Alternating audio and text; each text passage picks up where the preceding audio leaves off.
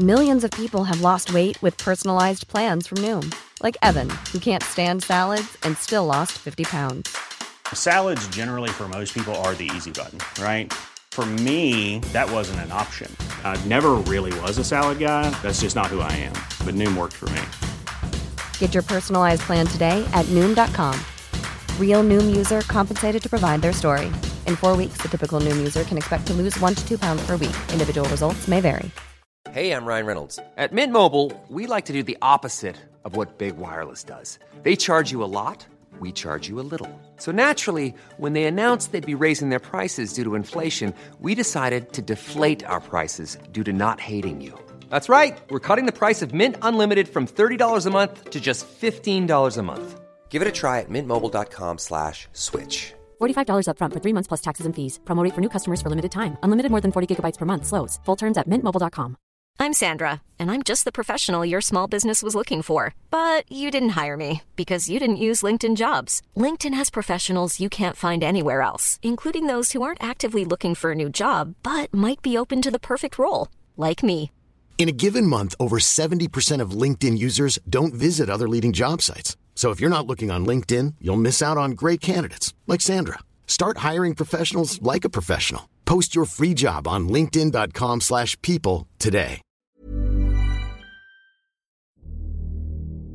I London klokken 01.30 om natten den 3. april 1888 blir Emma Elizabeth Smith, en 45-årig lokal prostituert, brutalt overfalt og ranet i krysset mellom Osborne Street og Brick Lane. Først i 4-5-tiden på morgenkvisten klarte hun å karre seg tilbake til stedet hvor hun hadde losjert de siste 18 månedene, i George Street nummer 18, hvor de andre beboerne så hvor ille tilrett hun var. Etter litt klarte de å overtale henne til å bli med dem til London Hospital, men morgenen etter døde hun av skaden ble påført. Hvem var Emma Smith, og hva skjedde med henne? Hennes historie og flere andre ulykksalige kvinners historie fra 1888 i det viktorianske England er det jeg skal fortelle om nå. Gjennom tre episoder skal dere få høre om historiene til kvinner hvis skjebne var bundet sammen av den samme blodrøde tråden.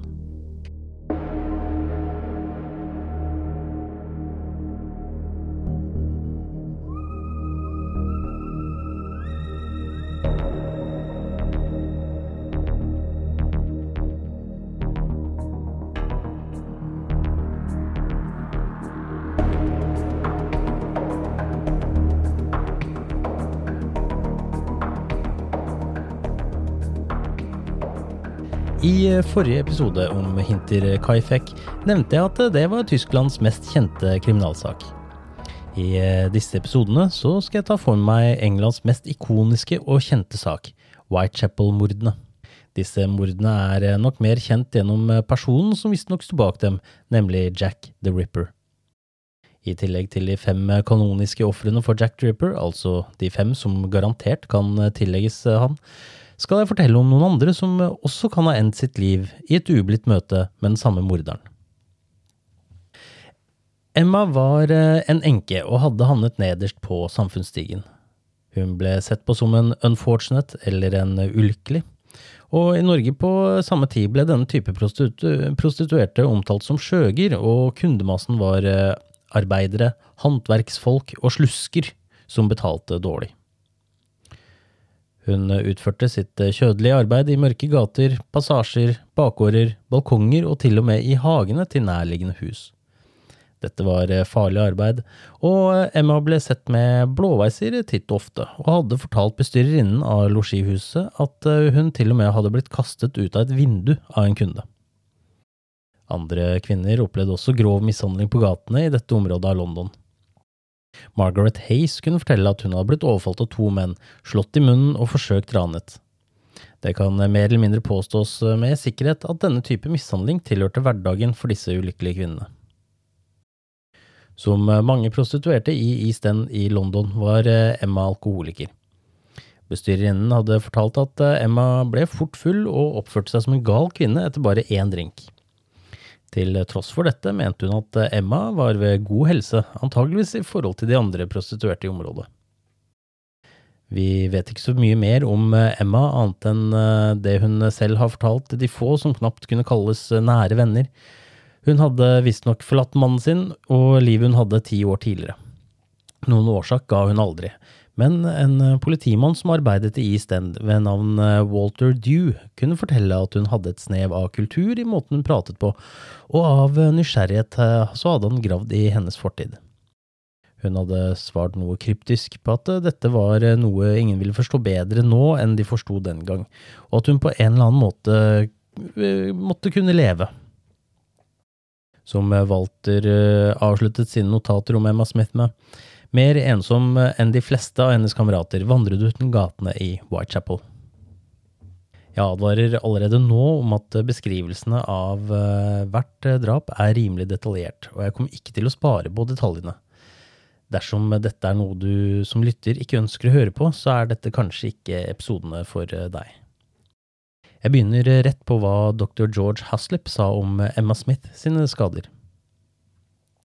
Dr. Haslip fortalte i et eh, vitneavhør at skadene hun var påført var forferdelige. En del av høyre øre var revet av, bukhinnen og flere andre interne organer hadde sprukket, han eh, mente at hun eh, måtte ha blitt stukket eller slått med et sløvt våpen av noe slag som, ifølge politirapporter, hadde penetrert henne via kvinnens passasje. Ikke lenge etter at hun hadde fortalt legen om hva som skjedde med henne, fikk hun bukhinnebetennelse, gikk inn i koma og døde. Ifølge vitnebeskrivelser hadde hun tidligere på kvelden pratet med en mann iført mørke klær, en stor sort frakk eller kappe, samt et hvitt halstørkle. Emma sa selv at hun eh, hadde blitt overfalt av tre menn eh, noe senere på natten, helt uprovosert, hvor de først ranet henne for eh, pengene, for så å mishandle henne på det groveste. Hun ble nok ikke et offer for Jack the Ripper, siden hun tross alt overlevde og kunne fortelle om det til legen på sykehuset. Ehm, det var nok en av de mange gjengene i East End som livnærte seg på å banke opp prostituerte for å stjele pengene deres, som sto bak det brutale overfallet. Myrdet på barbarisk vis, kunne man lese i avisene dagene etter eh, at drapet på Emma Smith ble kjent. Rettslege Vin Edwin Baxter erklærte at eh, kvinnen hadde blitt myrdet på barbarisk vis, og at man umulig kunne forestille seg et mer brutalt og elendig overfall. Hadde herr Baxter visst hva som var i vente, hadde han kanskje ordlagt seg noe annerledes. Emma Smith eh, tilhører riktignok eh, ikke Jack the Rippers kanoniske fem drap, men jeg valgte å ta henne med, da hennes dødsfall ble dokumentert hos politiet som The Whitechapel Murder. Innen eh, kalenderen gikk over til 1889, skulle mappen bli omdøpt til eh, The Whitechapel Murders, og Emma Smith skulle få selskap av Jack Drippers fem kjente ofre.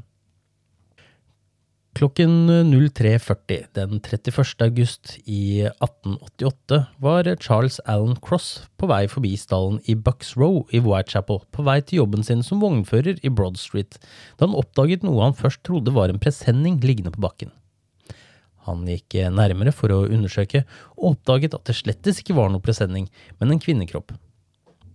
Hun lå på bakken med øynene vidåpne, beina hennes var rette, skjørtet hennes var løftet til over knærne, og venstre hånd strukket ut og tok på porten til stallen. En annen vognfører, som også var på vei til jobb, var Robert Paul, som observerte at Cross sto og så på kroppen liggende foran stallen. Cross eh, ropte på Paul, og sammen undersøkte de liket. Cross tok på kvinnens ansikt og bemerket at hun fremdeles var varm. Han tok så på hendene hennes og kjente at de var kalde, og konkluderte dermed med at hun måtte være død. Paul mente derimot at eh, hun kunne være bevisstløs, dekket over underkroppen hennes med skjørtet, og gikk for å finne en eh, politimann. Cross fant politikonstabel eh, Jonas Misen og fortalte at hun ser ut til å være enten død eller full, men jeg for min del mener hun er død, før han og Robert Paul gikk videre til jobbene sine. Rett før Maisen nådde plassen der kvinnen lå, oppdaget politikonstabel John Neal liket. Han eh, signaliserte med lanternen sin, slik at andre konstabler i området kunne se han, og konstabel John Thane kom til unnsetning. Neal utbrøt at det lå en kvinne med strupen skåret over, og at Thane skulle løpe og finne en lege. Hvordan eh, Cross og Paul kunne være uenige om eh, hvorvidt hun var død eller levende med tanke på at strupen var skåret over, ble forklart med at det var svært mørkt, slik at de ikke klarte å se alt eh, blodet eller sårene. Neil forsøkte å finne blodspor eller spor etter kjerrehjul, men fant ingenting, og kunne dermed konkludere at drapet var blitt begått på stedet, og at hun ikke hadde blitt drept et annet sted, for så blitt fraktet til åstedet. Doktor Levlin kom til stedet omtrent klokken fire på natten sammen med Thane, og så umiddelbart at kvinnen hadde blitt påført to dype stikkskader mot halsen. Han eh, erklærte at dette ville medføre en eh, umiddelbar død, og siden kroppen hennes og bena hennes fremdeles var varme, mente han at eh, hun kun hadde vært død i ca. 30 minutter. Det betyr at drapet hadde skjedd maks 10 minutter før Cross og Paul kom over liket.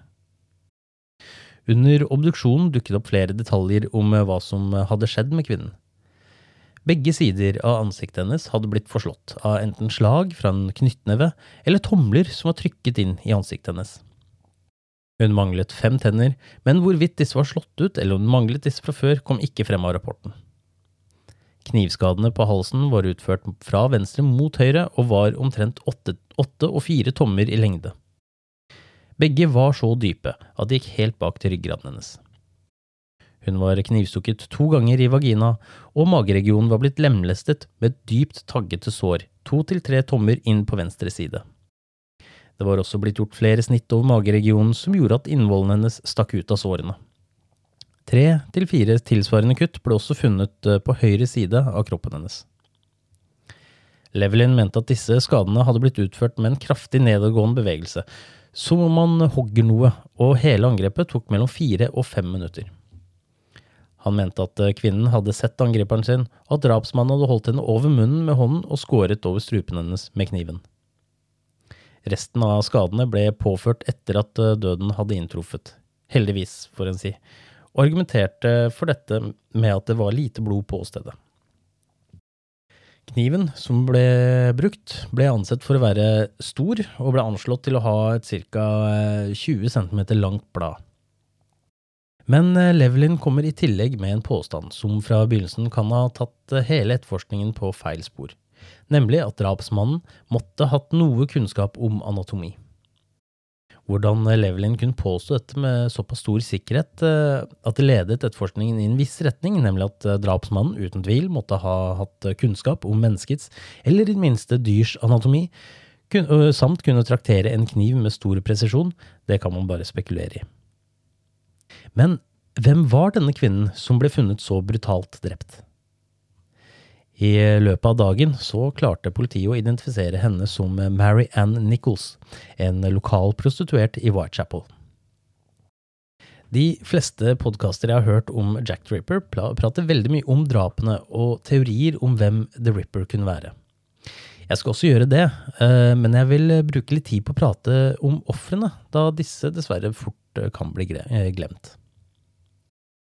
Mary Ann Nichols ble født 26.8.1845 i London. Nøyaktig hvor i London, det vet man ikke, men hun var det mellomste av tre barn som Edward og Caroline Walker fikk. Man vet lite om barndommen hennes, annet enn at hun ble døpt i 1851. Da Marianne var 18 år, eh, giftet hun seg med en maskinist på et trykkeri, eh, William Nichols. 16.1.1864 sto hun ved alteret i St. Brides Parish Church, og ikke lenge etter bodde det nygifte ekteparet i Bovery Street, rett i nærheten av Temple Church i London. De eh, flyttet snart inn med Mariannes eh, far i Trafalgar Street. Mellom 1866 og 1879 fikk paret fem barn. I 1880 flyttet ekteparet inn i en egen bolig, men det tok ikke lang tid før det som knapt kunne kalles eh, familieidyll på sent 1800-tall i det fattige London, tok slutt. William tok med fire av barna og flyttet ut. Uh, Mariannes far beskyldte William for å forlate datteren hans på bakgrunn av utroskap. Han mente at eh, William hadde hatt en, en, affære med en sykepleier som hadde hjulpet til med fødselen av deres yngste barn, men William sa seg uenig. Han mente at eh, dette forholdet det lå langt bak i tid, og at årsaken til separasjonen var fordi hans kone drakk tett. Han hadde valgt å ta ut separasjon først etter at Marianne hadde forlatt han og, eh, og barna, eh, og ifølge det han fortalte myndighetene, begynte å praktisere prostitusjon. Mellom 1881 og 1887 var Marianne Nichols litt eh, inn og ut av forskjellige institusjoner som tilbød kost og losji mot eh, arbeid, hvor hun beskrev seg selv som en husholderske. Frem til 1882 fikk Marianne et underholdningsbidrag fra ektemannen sin, men da han fikk vite at hun hadde begynt å prostituere seg, opphørte han denne betalingen, da han ikke lenger var lovbundet til å betale henne. I 1883 bodde hun i flere måneder med faren eh, sin, men ble etter hvert kastet ut eh, derfra, også på grunn av krangler og uenigheter. De eh, neste årene fartet Nichols mellom arbeidsinstitusjonene og gaten, og til tross for et kortvarig forhold med en enkemann, ble det ikke noe mindre fyll og spetakkel før hun i 1888 fikk et arbeidsoppdrag som husholderske hos et ektepar. Dette ekteparet var avholdsfolk, og Nichols skrev i et brev til faren sin at hun nå var tilfreds og hadde funnet sin plass i livet med denne nye jobben. Hun uttrykte stolthet over ansvaret hun hadde fått, og de hadde vist en tilliten verdig til å være den ansvarlige for husholdningen når de var bortreist. Men dessverre for Nichols så er alkoholisme en nådeløs last å ha dersom man ikke får hjelp til å takle det. Og det kan virke som om verken øh, arbeidsgiverne som var avholdspersoner og fromme kristne, eller følelsen av å ha landet i livet var nok til å holde Marianne borte fra flasken. Allerede etter tre måneder og innen faren hadde rukket å svare på brev hun hadde fått, øh, hadde hun fått sparken. Hun hadde stjålet klær for tre pund og ti skilling, og vært borte fra eiendommen over tid, antageligvis mens hun var på fylla. 12. juli i 1888 fikk eh, svaren, eh, faren svar på et postkort sendt fra hennes tidligere arbeidsgivere om at Marianne Nichols ikke lenger arbeidet hos dem, og årsaken til hvorfor hun var sagt opp. Etter dette havnet eh, Marianne i Whitechapel, hvor hun livnærte seg som prostituert, sammen med de som i likhet med henne hadde havnet på bunn av samfunnets sosiale rangorden. De siste vitneobservasjonene av henne i live forteller at hun var tydelig beruset og sto nærmest nedsunket mot en husvegg. Emily Holland, som var den siste som så Marianne Nichols i live, forsøkte å få henne med seg tilbake til losjihuset, noe Nichols nektet. De to skiltes, og det siste Holland så var at Nichols sjanglet seg nedover Whitechapel Road. Hun ble begravet på ettermiddagen den 6. september 1888. Hun ble sett til hvile ved City of London Cemetery i Øst-London. Begravelsesfølget besto av begravelsesagent Henry Smith, faren hennes, hennes ektemann William og tre av barna hennes. Flere tusen så kortesjen mellom likhuset og kirkegården. Hun ble begravet i en offentlig grav uten gravsten, men i 1996 valgte de ansvarlige for kirkegården å merke graven med et skilt. Tilbake til eh, London i 1888 gikk politiet i gang med å avhøre de prostituerte i Whitechapel, for å kartlegge hvem som kunne stå bak drapet. Allerede på dette tidspunktet hadde politiet begynt å se en sammenheng eh, mellom flere drap på prostituerte i eh, området, og jeg har nevnt eh, Emma Smith innledningsvis, men også Mar Martha Tabrams drap ble sett i sammenheng med dødsfallet på Marianne Nichols. Martha Tabram er, som eh, Emma Smith, ikke en av de kanoniske fem eh, Ripper-mordene. Uh, mest fordi disse to drapene ikke følger det samme brutale modus operandi som de neste fem gjorde. Men jeg skal allikevel fortelle litt om Tabram. Hun ble født 10. mai i 1849 i Sør-London. Hun var den yngste i søskenflokken på fem, og som 16-åring opplevde hun at faren forlot familien og endte opp død et halvt år senere. Martha flyttet inn hos eh, Henry Samuel Tabram, og paret giftet seg på julaften i 1869. De fikk to barn, men dessverre for Martha så delte hun de samme lastene som Marianne. Hun begynte å drikke tett, og hun ble så uholdbar å bo sammen med at Henry forlot henne. Henry gjorde som med William Nichols og betalte underholdningsbidrag helt frem til han fikk vite at eh, hans kone hadde begynt med prostitusjon. Martha fant seg fort en annen mann, ved navn uh, William Turner, og sammen uh, nærmest fløt de rundt i East End eh, av London på en daglig flyt alkohol mens de forsøkte å selge juggel på gata for å få råd til losji for natten. Stort sett var det William som sto for losji, mens Martha sto for det mer flytende inntaket for sin egen del, noe som førte til at forholdet deres, ifølge William, var veldig av og på. Klokken 04.45 på natten finner John Saunders Reeves Martha liggende på ryggen i en dam av blod i et boligkompleks som kaltes George Yard Buildings. Han får tak i en konstabel, som igjen får tak i en lege som kan undersøke kroppen til Martha. At hun er død, hersker det ingen tvil om. Skjørtet hennes er dratt opp eh, over hoften hennes, og hun har hele 39 knivstikk som mer eller mindre hadde pepret kroppen hennes fra halsen til underlivet. Han mente at det hadde blitt brukt eh, to forskjellige kniver, en typisk lommekniv og en større kniv som var på størrelse med en bajonett eller dolk. Det ble gjennomført en nokså omfattende etterforskning av dette drapet. Blant annet eh, ble flere soldater avhørt, men den prosessen skal jeg ikke gå inn på. Martha ble iallfall identifisert av William Turner og deretter Henry Tabram. Selv om det i dag fremdeles blir debattert om hvorvidt Martha var et av Jack the Rippers ofre eller ei, var etterforskerne i 1888 sikre på det. Walter Dew, som vi har hørt om i Emma Smith-saken, skrev i selvbiografien sin hva um, enn som kan bli sagt om Emma Smiths dødsfall, kan det ikke være noen tvil om at helligdagsdrapet i august tok plass, som tok plass i George Yards Building, var den eh, fryktede Rippers verk. Hadde Walter Dew rett i dette? Han var tross alt en av etterforskerne på saken og hadde verdifulle innblikk i saken som nå er tapt for tiden. Han mente riktignok at Emma Smith var Rippers første offer, men hun sa selv at hun hadde blitt overfalt av en gjeng. Martha Tabram kunne naturligvis ikke fortelle noe annet enn hva sporene på kroppen hennes fortalte.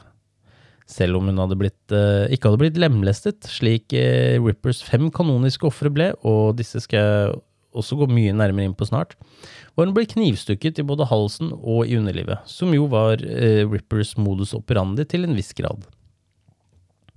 Mary Ann Nichols er kjent som Jack the Rippers første offer, Eh, men hvorvidt dette stemmer, eller om det var Martha Tab eh, Tabram som var det første offeret, vil nok bli debattert blant uh, ripperologistene også i fremtiden.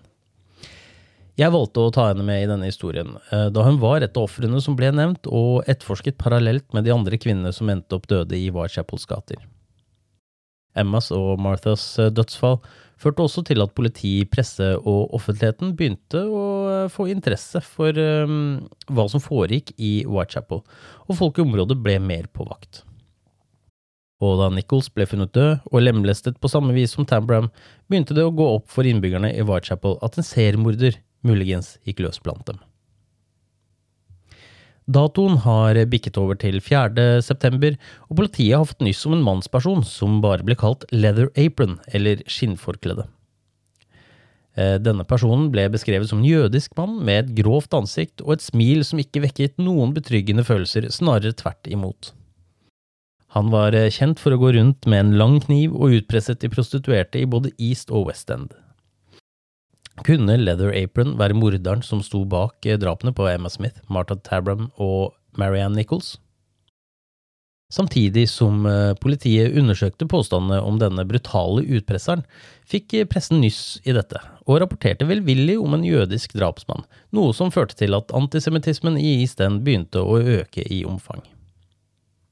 Det gikk ikke lang tid før drapsmannen slo til igjen. Den 8. Eh, september, rett før klokken fem om morgenen, går John Richardson, en eh, beboer i Hanbury Street 29, ut i bakgården for å se til at hengelåsen på kjellerlemmen fremdeles er der. Det er den, og han setter seg ned for å fjerne lærbit fra skoen sin før han går inn igjen. Det eneste han legger merke til, var at alt var stille og rolig. Like etter er eh, Albert eh, Kadosh, eh, beboer i Hamburger Street 27, på vei bak i gården for å bruke utedoen.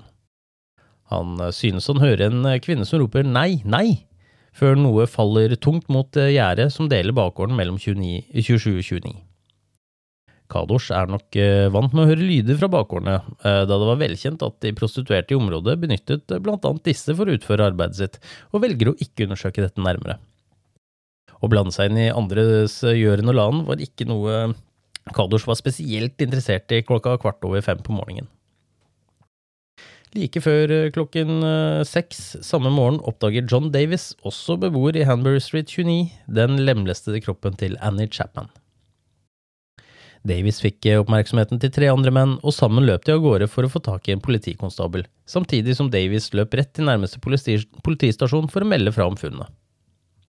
Enda en kvinne er blitt drept, ropte mennene til politikonstablene de fant, og veldig snart var bakgården sperret av og en lege hadde ankommet åstedet.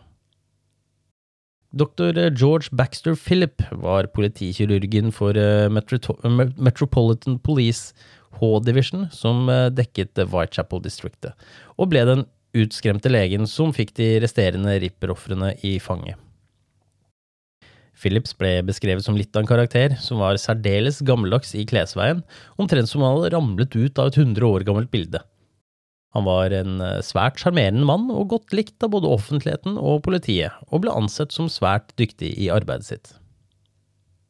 Phillips eh, gikk straks i gang med å undersøke liket på åstedet, og kunne slå fast at kroppen var kald, men noe varme var igjen under innvollene hennes inne i kroppen. Han slo fast at eh, dødsstivhet ikke hadde slått inn ennå, men var påbegynt. Etter obduksjonen senere på dagen fant han litt mat i magesekken og fastslo at eh, dødstidspunktet må ha vært eh, noe før klokken 04.30. Et øyevitne hadde derimot påstått gårdsplassen var tom på denne tiden, og en rettslege ved navn Baxter, som for øvrig ikke hadde noen medisinsk bakgrunn, valgte å støtte øyevitnets forklaring fremfor legens meninger, og eh, mente dermed at dødstidspunktet måtte ha vært eh, 05.30. Senere kom eh, Phillips til å si seg enig i påstanden. Det hadde vært svært kaldt denne morgenen, og på bakgrunn av det faktum at hun hadde mistet svært mye blod, og særlig siden et vitne tross alt hadde vært ute i bakgården rett før klokken fem. Phillips så raskt en kobling mellom eh, drapene på Chapman og Nichols. Den venstre armen hennes var plassert over venstre bryst, beinene var trukket opp og føttene hvilte på bakken, med knærne vendt utover. Ansiktet var hovent og vendt mot høyre. Tungen var hoven og stakk ut mellom tennene, som var intakte. Han fant også et tørkle rundt halsen hennes, som han videre antok gjerningsmannen hadde kvalt henne med før han kuttet over strupen hennes, noe det hovne ansiktet også tydet på. Strupen hennes var skåret dypt over, og det så ut som eh, snittet var taggete. Kuttet gikk rundt hele nakken.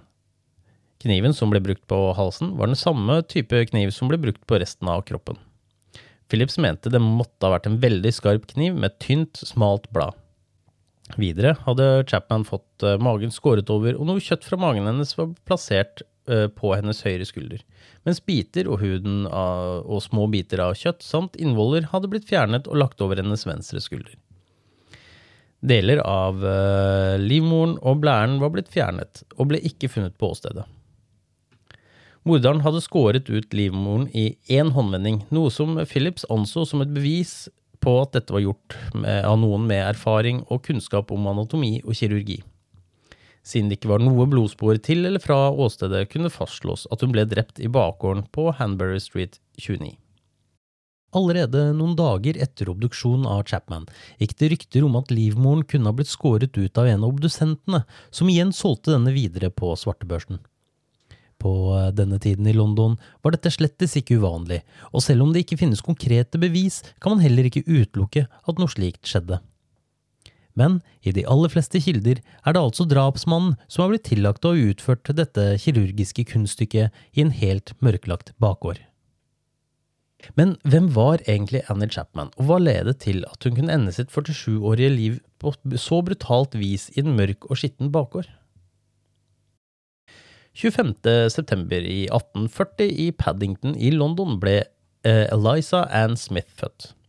Hun var første av de fem barna til soldaten George Smith og Ruth uh, Chapman.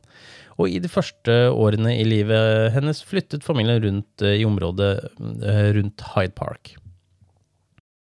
Foreldrene hennes var ikke gift på dette tidspunktet, men giftet seg to år senere før de fikk sitt andre barn.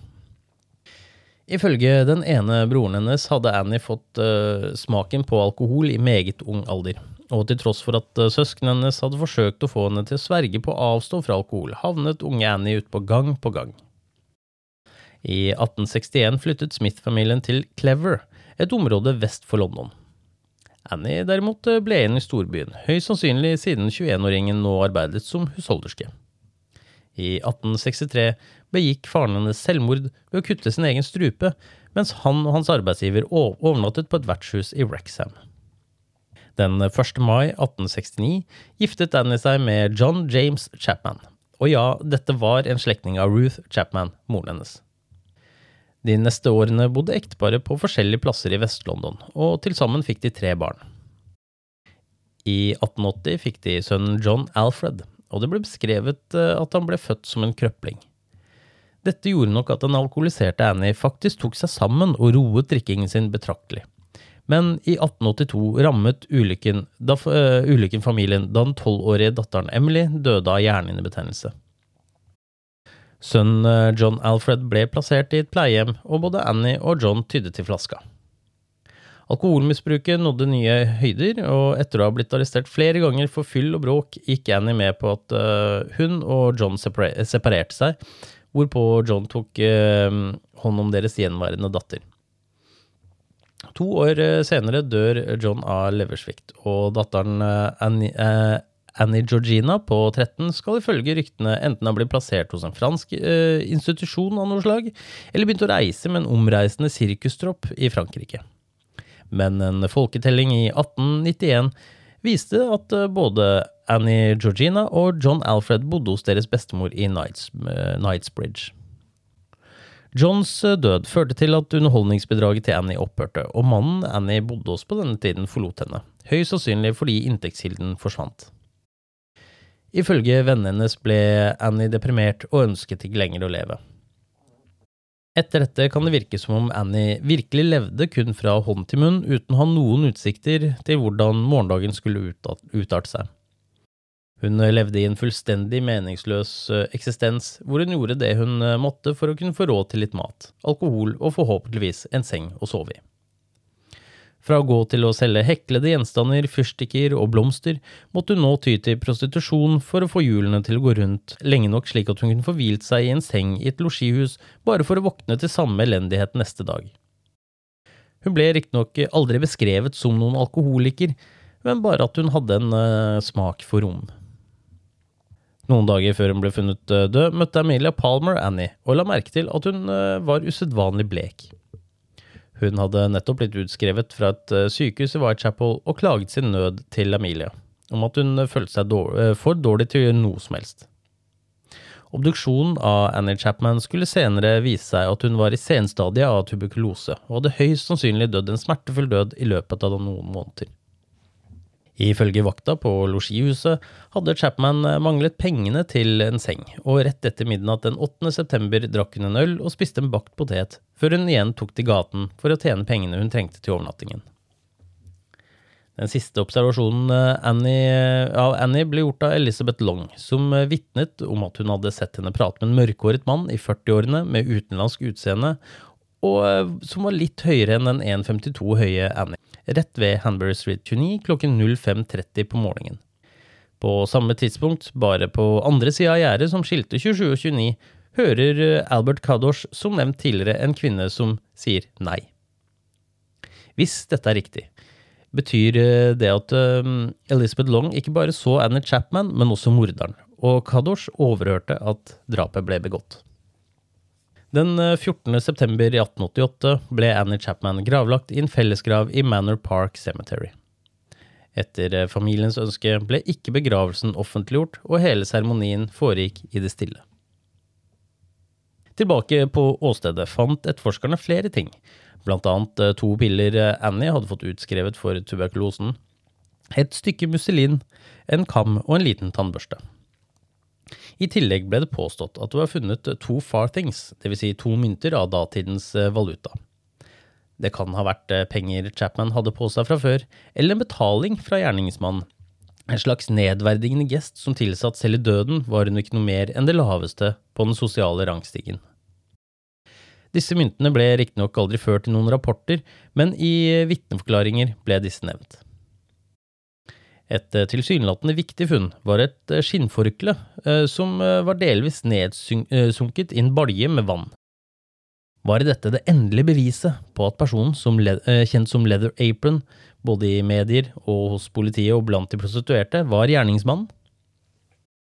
Politiet hadde på dette tidspunktet etterforsket utpresseren Leather Apron i omtrent en uke, og den 7. september, dagen før Anna Chapman ble brutalt myrdet, hadde de klart å identifisere han som John Pizer.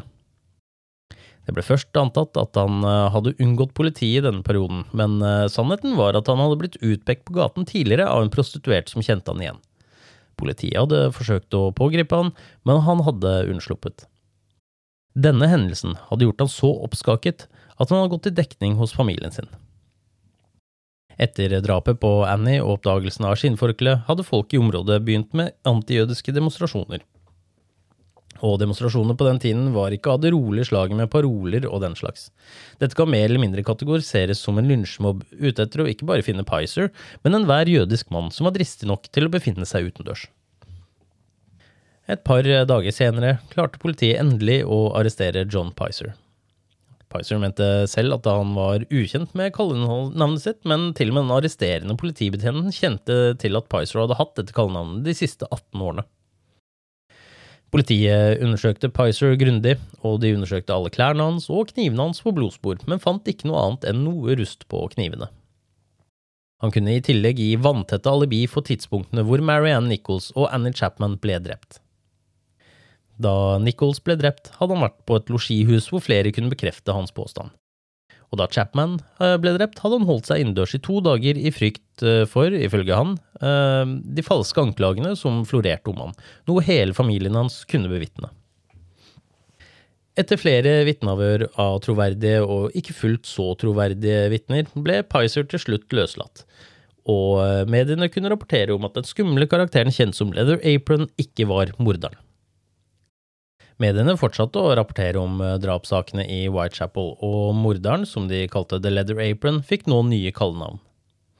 The Whitechapel Murderer og Red Fiend, eller Røde Djevel, begynte nå å spre seg hos både folk på gaten og i mediene.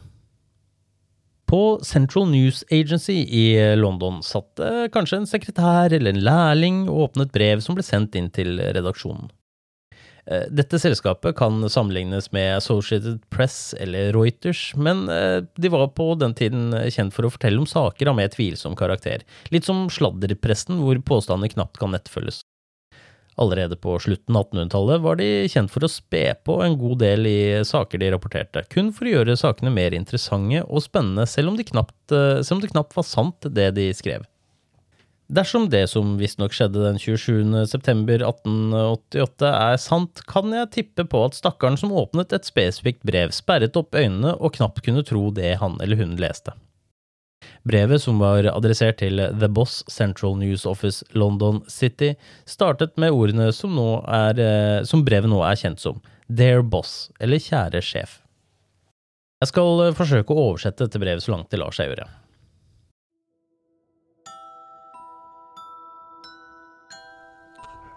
Kjære sjef. Jeg hører at eh, politiet har fanget meg, men de får ikke tak i meg riktig ennå.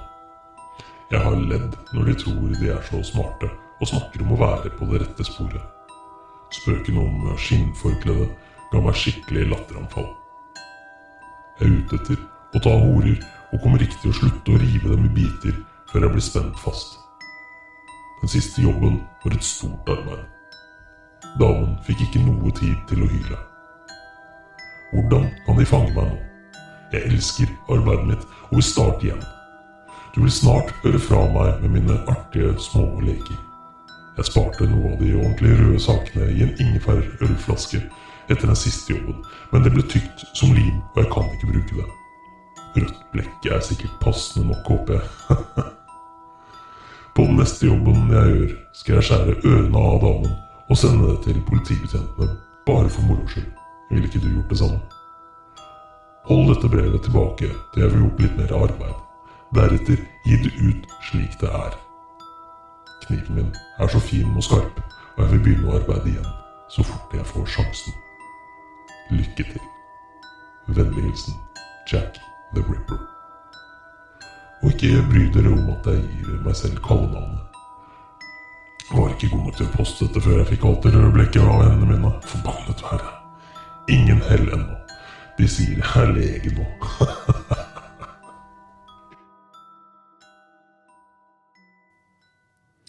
Litt av et eh, brev, det der, altså. Their Boss-brevet var et av mange brev som ble sendt til mediene og politiet, hvor avsender mente at eh, han eller hun var Jack the Ripper, og i de neste episodene skal dere få høre mer av disse brevene. Politiet mente den gang at dette bare var en bløff utført enten av en journalist på jakt etter et skup, Central News Agency selv, eller av noen som rett og slett ville lure media og etterforskerne. Men veldig snart skulle det vise seg å skje noe som skulle få politiet til å ta brevet på alvor. Og etter publiseringen av brevets innhold var ikke lenger Whitechapel-mordene begått av en komplett ukjent person, men av det som nå er blitt en udødelig og notorisk legende, Jack the Ripper. Og med det runder jeg av første del av historiene om Emma Smith, Martha Tabram, Marianne Nichols og Annie Chapman. I neste episode vil dere få høre om de tre siste kanoniske ofrene, samt elleve andre mulige drap som ble begått fra desember 1887 og helt frem til 1891. Håper dere har satt pris på denne måten å fortelle historien om Jack the Ripper på, og håper virkelig dere henger med videre til episode to og tre av denne serien. Gi gjerne tilbakemelding på episoden på Facebook eller Instagram, og der hvor du lytter til denne podkasten og kan gi tilbakemelding. Søk opp uløste mysterier i sosiale medier. Mulig dere må bruke OE i stedet for Ø, og følg meg gjerne, slik at dere får oppdateringer og melding om når det kommer en ny episode. Setter også stor pris på stjerner og slikt hos Spotify, Apple og Google da det vil hjelpe podden å nå nye lyttere. Takk for at dere har tatt dere tiden til å lytte til Uløste mysterier, og vi høres snart igjen.